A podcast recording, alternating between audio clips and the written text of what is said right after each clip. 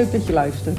Welkom bij deze pod- en videocast van Annette Burgers, Stiefgoed Den Haag West en Jordi Vos, Stiefgoed Den Haag Oost. Dit is een exclusieve serie met de titel Samengesteld Gezin, wat nu? Dit is aflevering 2 vanuit het Haagse Museum, waarin wij jouw vragen gaan beantwoorden. Als jij ook een vraag hebt, mail deze dan naar annette.stiefgoed.nl en jordi.stiefgoed.nl. De vraag van vandaag, Annette. Ja, Jordi, we hebben een vraag gekregen. En die ga ik nu even voorlezen. Let op, daar komt ie. Beste Annette en Jordi, mijn naam is Karel en ik heb een stiefdochter, Suus, van 13 jaar. En ik heb twee kinderen, samen met Danielle, mijn vrouw. Suus is de helft van de tijd bij ons. Ze heeft onlangs laten weten niet meer naar ons toe te willen. Ze wil graag bij haar vader en haar vriendinnen zijn, wat we als uitleg krijgen. We hebben haar de ruimte gegeven om twee maanden bij haar vader te wonen en daarna het gesprek aan te gaan hoe zij dit beleeft. Ik vind het eigenlijk wel lekker als ze er niet is. En zie er nu alweer tegenop dat ze straks wel weer bij ons thuis is. Als ik het hier met Danielle, mijn vrouw, over heb, dan wordt het altijd ruzie. Zij snapt niet dat ik dit zo ervaar en mist Suus. In mijn hoofd begrijp ik het wel, maar ik ervaar het gewoon zo. Hoe kunnen wij elkaar beter leren begrijpen? Zo. Dit is echt een heel lastige. Een hele, nou ja, niet last, ja, lastig. Het is uitdagend. En wat, in mijn eerste reactie is, Karel, je bent niet alleen. Karel, je bent niet alleen. Vertel, Annette. Nou, dat, eh, dat ik, ja, ik weet niet hoeveel cliënten ik inmiddels al eh, gehad heb. Eh, maar dat het wel vaker voorkomt dat een van de kinderen, of twee van de kinderen, ik heb het ook wel eens meegemaakt met een tweeling, dat die, ja, dat die even niet wilde komen. Ja. Ja. Ja. En dan moet er wel wat gebeuren. Mhm. Ja, precies. En, en van waar zeg jij, Karel, je bent niet alleen? Nou, Hè? Karel, je bent niet alleen in het stukje van dit komt vaker voor. En Karel, je bent niet alleen in, eh, in het gevoel eh, dat, eh, nou ja, dat je je prettiger voelt als je stief, bonus plus kind er niet is. Dat hebben er wel veel meer. Die durven het alleen niet altijd even gemakkelijk toe te geven. Precies, oké. Dan begrijp ik inderdaad wat je bedoelt. Karel, je bent niet alleen. Er zijn heel veel stiefouders die dit ervaren. Op het moment dat eh, het stiefkind er niet is, eh, dan is het vaak een stuk ja, makkelijker, overzichtelijker. En wat gebeurt daar dan? Hè? Waar, eh, waar, waar je ook eigenlijk een situatie hebt, in Karel in deze, die is op het moment dat er is, is hij zowel stiefvader als vader tegelijk. Hè? Ja, Hij is stiefvader van Suus. Eh, hij is vader van de twee kinderen die hij heeft met Danielle. En daar zit ook al een stukje verwarring van: hé, hey, wacht even, je hebt eigenlijk een dubbele rol. En wat betekent dat dan? Ja, ik, en ik vraag me ook af. kijk, dit is natuurlijk maar een, een klein stukje. We weten Mhm, niet de mhm. context van de situatie. Nee. Hè, dus ik, ik vraag me af. ehm, ja, wat ze überhaupt hebben afgesproken over eh, eigen kind en over stiefkind. Ja. En wat bedoel je daarmee? Nou, kijk, ik, ik kom in de praktijk van alles tegen. Alle varianten van eh, dat eh, het, het, het koppel met stiefouder en partner van. ehm, dat zij zeggen van nou, alle kinderen in ons huis eh, zijn wij eh, de volwassenen en eh, we doen alles samen. We doen de opvoeding samen en we doen de huisafspraken of de huisregels. doen we alles samen. En kinderen hebben naar ons allebei te luisteren. Die variant kom ik tegen. Ja. En ik kom tegen de variant die daar een beetje aan de andere kant van staat. Van duidelijke afspraken over opvoeding. Dat doet de biologische ouder. En of, ja, we hebben ook eh, onlangs een lezing gehad. Die het Mhm, niet hebt mhm. over biologische ouder. Je hebt gewoon maar één ouder. Ja. Eh, eh, dus van de ouder en dat- de huisregels gemaakt worden door, door dat die er zijn voor iedereen. En dat daar ook dan iedereen en de partner van de ouder daar ook over gaat. Ja, ja, ja. Want die hoort daar natuurlijk ook bij. Hè? Die heeft daar ook iets over te vertellen. Als je in één Ja. huis woont eh, en eh, je slippers aan moet trekken of je pantoffels aan moet trekken, eh, dan geldt dat voor iedereen. Ja, precies. Hè? Ja. Ehm, hè, dus daar zitten verschillen ook in. Hoe doe je dat dan onder dit dak met elkaar? En, en als je het dan hebt over de vraag van eh, Karel in van hoe kunnen wij elkaar leren begrijpen, dan zit daar natuurlijk al een verschil in. Omdat Karel dus eh, zowel de rol als stiefvader en vader kent, waar ehm, zijn vrouw Danielle eigenlijk de, alleen de moederrol kent. Hè? Want Danielle is moeder van drie kinderen. En Karel is vader van twee kinderen en een stiefkind. Hè? En dan is hij geen vader, ja, dan is hij stiefvader. Om dat woord dan nu even te gebruiken. Ja, ja en ik kan me ook voorstellen eh, dat, ehm, dat het voor Danielle ja, wel he- heel, heel lastig is en een grote uitdaging om dan twee maanden de dochter niet te zien. Zo, nou ga er maar aan staan. Ja, dat is nogal wat. Ja. Hè? En dan heb je eigenlijk ook nog een partner die dan zegt van nou ik vind het wel lekker zo. Ja, Hè, dus het gemis bij eh, Danielle zal waarschijnlijk enorm zijn. Hè? En dan, en dan eh, de partner waar je je veilig bij moet voelen, waar je dat mee wil delen, eh, die vindt het eigenlijk wel prima. Hè? Die vindt het wel lekker. Hè? Zonder daar een oordeel over te vellen, hè? want het is allebei gewoon wat er is. En het is allebei ook oké. En het is ook gewoon wat wij herkennen hè, bij veel stellen. Maar hoe vind je elkaar dan? Dat is natuurlijk best ingewikkeld. ja.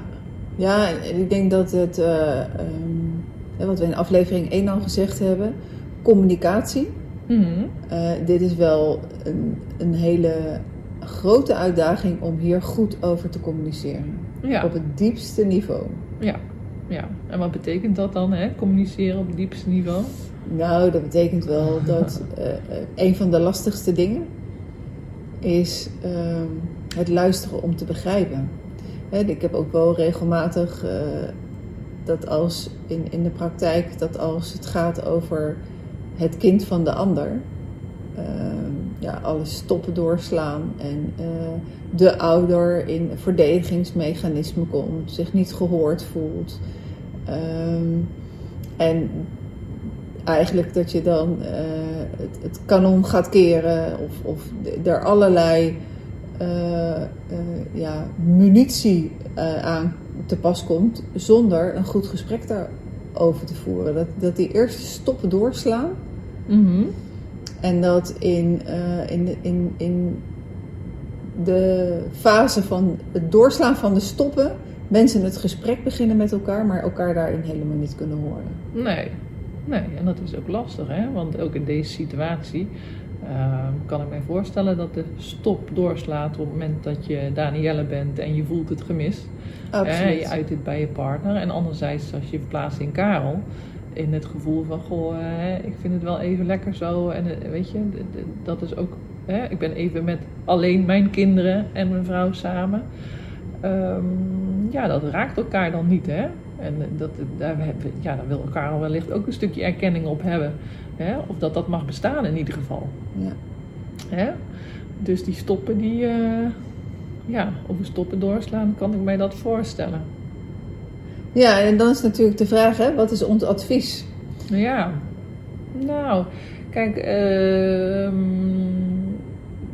ook in onze sessies is het niet zo dat wij natuurlijk geven we advies en natuurlijk geven we praktische dingen mee hè, eh, aan koppels. Eh, maar anderzijds is dit ook wel de zoektocht in, ehm, ja, waar, waar, waar start je samen met je gezin? Hè? Waar sta je op het moment dat je compleet bent? Hè? Op het moment dat zij met z'n vijven zijn, eh, dan ziet de situatie er anders uit dan dat ze met z'n vieren zijn. En wat zijn de verschillen dan die daar voorbij komen? Hè? En welk gevoel hoort daarbij? Hè? Wat ervaar je dan? Ehm, dus ook om daar dan bij stil te staan. Eh, want dat is wat we vaak doen. Hè? Op het moment dat de stop doorslaat, dan gaan we in de afweer. Hè, dan gaan we of de schuld geven, of eh, vaak wordt er ook met alle beste intenties gezocht naar eh, praktische oplossingen. Hè. Hoe doen we dat dan? Maar even stilstaan bij het, het, het, gemis bij bijvoorbeeld Danielle en stilstaan bij het gevoel van Karel.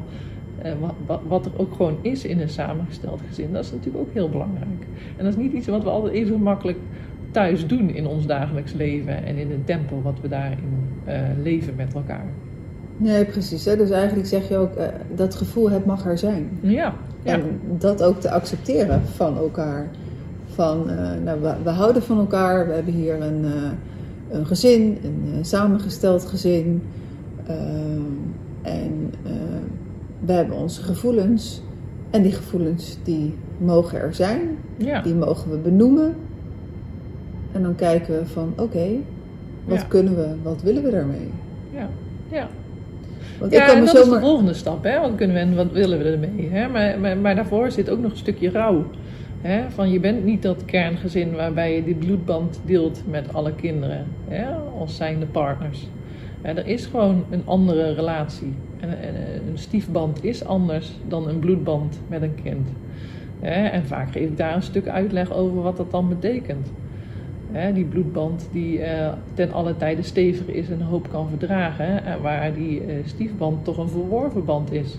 Hè, waar je wel of geen energie in kan steken. Soms in moet steken en dan ook weer niet te veel. En wat is dat dan? Hè? Die, die zoek, zoektocht naar waar wel en niet. Eh, maar ook accepteren dat eh, je partner dus eh, niet hetzelfde voelt voor zijn stiefkind als jij voor jouw eigen kind. Kom je die vaak tegen? Ja, tuurlijk. Ja, Ja. ja en ik, vraag me ook af, hè, eh, in, in het, het stukje eh, actie-reactie. Mhm. Eh, het, het gevoel van Karel.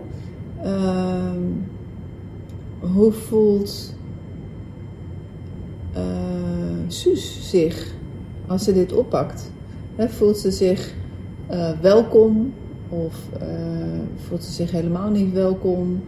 Eh, en, en ja, kijk, na een scheiding hebben kinderen überhaupt altijd een trauma opgelopen. Of het nou een klein trauma is of een groot trauma. Er zit een, een, een scheidingstrauma. Het gezin heeft zich opgesplitst en het verhaal vertelt niet hoe lang dat al eh, zo is. Hè, En dan denk ik wel dat ten alle tijde er recht gedaan moet worden aan de kinderen. Aan, aan het stuk ook kind om kind te mogen zijn. En ja, dat je daar niet te veel van moet verwachten. Sowieso is het in het leven dat als je verwachtingen hebt, dat je eigenlijk altijd teleurgesteld wordt.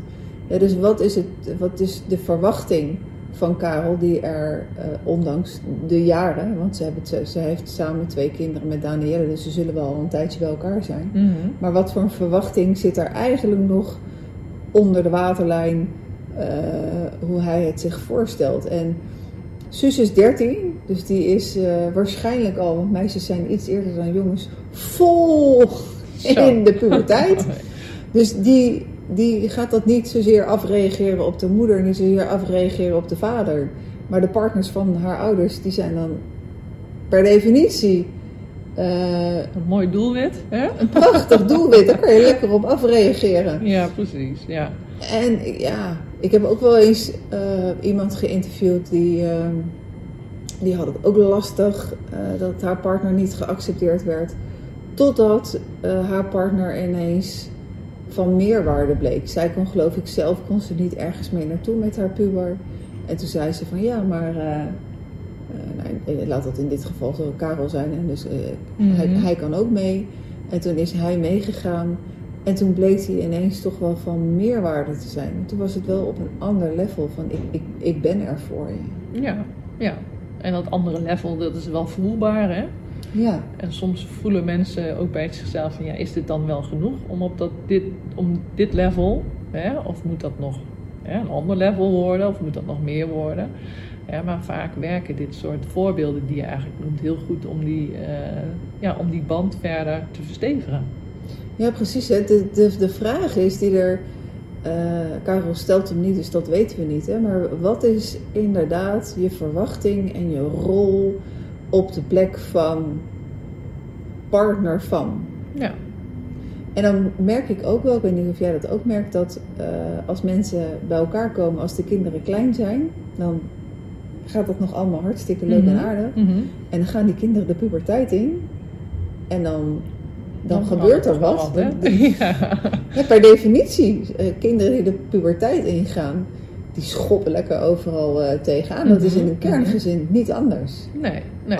Alleen voel je je als partner van de ouder, denk ik toch wel eerder, zeker als je daar door je eigen bagage in, eh, in geraakt. Ja. Dus in, in feite, eh,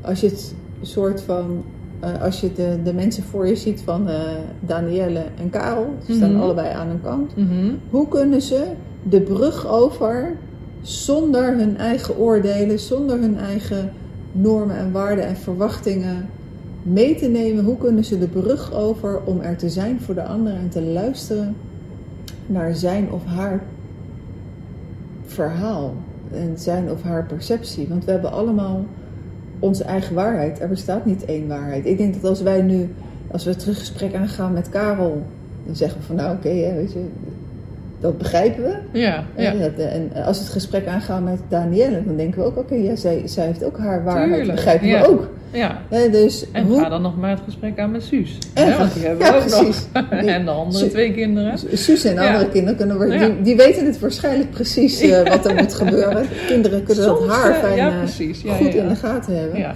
maar hoe kunnen zij die brug over om zonder oordeel, zonder bagage te luisteren naar elkaar? Als ze dat kunnen, dan is denk ik de sky the limit en dan kunnen ze hier goed over praten. Ja, en waar begin je dan, hè? Want ik adviseer ouders dan ook vaak van, goh, hè, eh, kijk, vader zijn voelt anders dan stiefvader, bonusvader of hoe je het noemen wil. Eh, hè, dat is een ander gevoel, ook naar, eh, naar de kinderen toe. Hè, maar dat geldt voor Suus in dit verhaal natuurlijk precies hetzelfde. Haar vader voelt ook anders aan dan haar stiefvader. Hè, en dat is altijd een mooie ingang om denk, daar het gesprek ook aan te gaan met het kind. Van, goh, eh, hoe is dat dan voor jou? En voel jij dat verschil ook? Van, ja, ik voel dat verschil ook. En dat hoeft niet goed of fout te zijn, hè, maar het is vaak wel anders. En kinderen kunnen dat ook heel goed aangeven, dat dat anders voelt.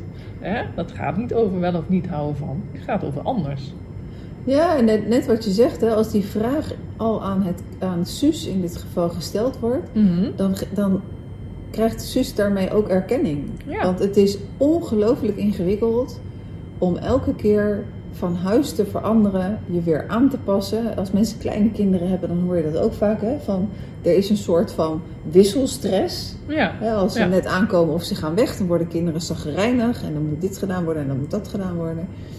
Dus eh, erkenning geven aan Suus, dat het voor haar ook allemaal super ingewikkeld is. En tegelijkertijd vraag ik me ook af, eh, hoe is de relatie tussen Karel en eh, de vader van, van Ja. Suus? ja, interessant. Ja. Weten we niet. Nee, dat weten we Dat niet. weten Dat roept natuurlijk voor ons ook wel vragen op de casus. Ja. Ja. En daar kunnen we in onze praktijk natuurlijk prima mee aan de slag. Ja.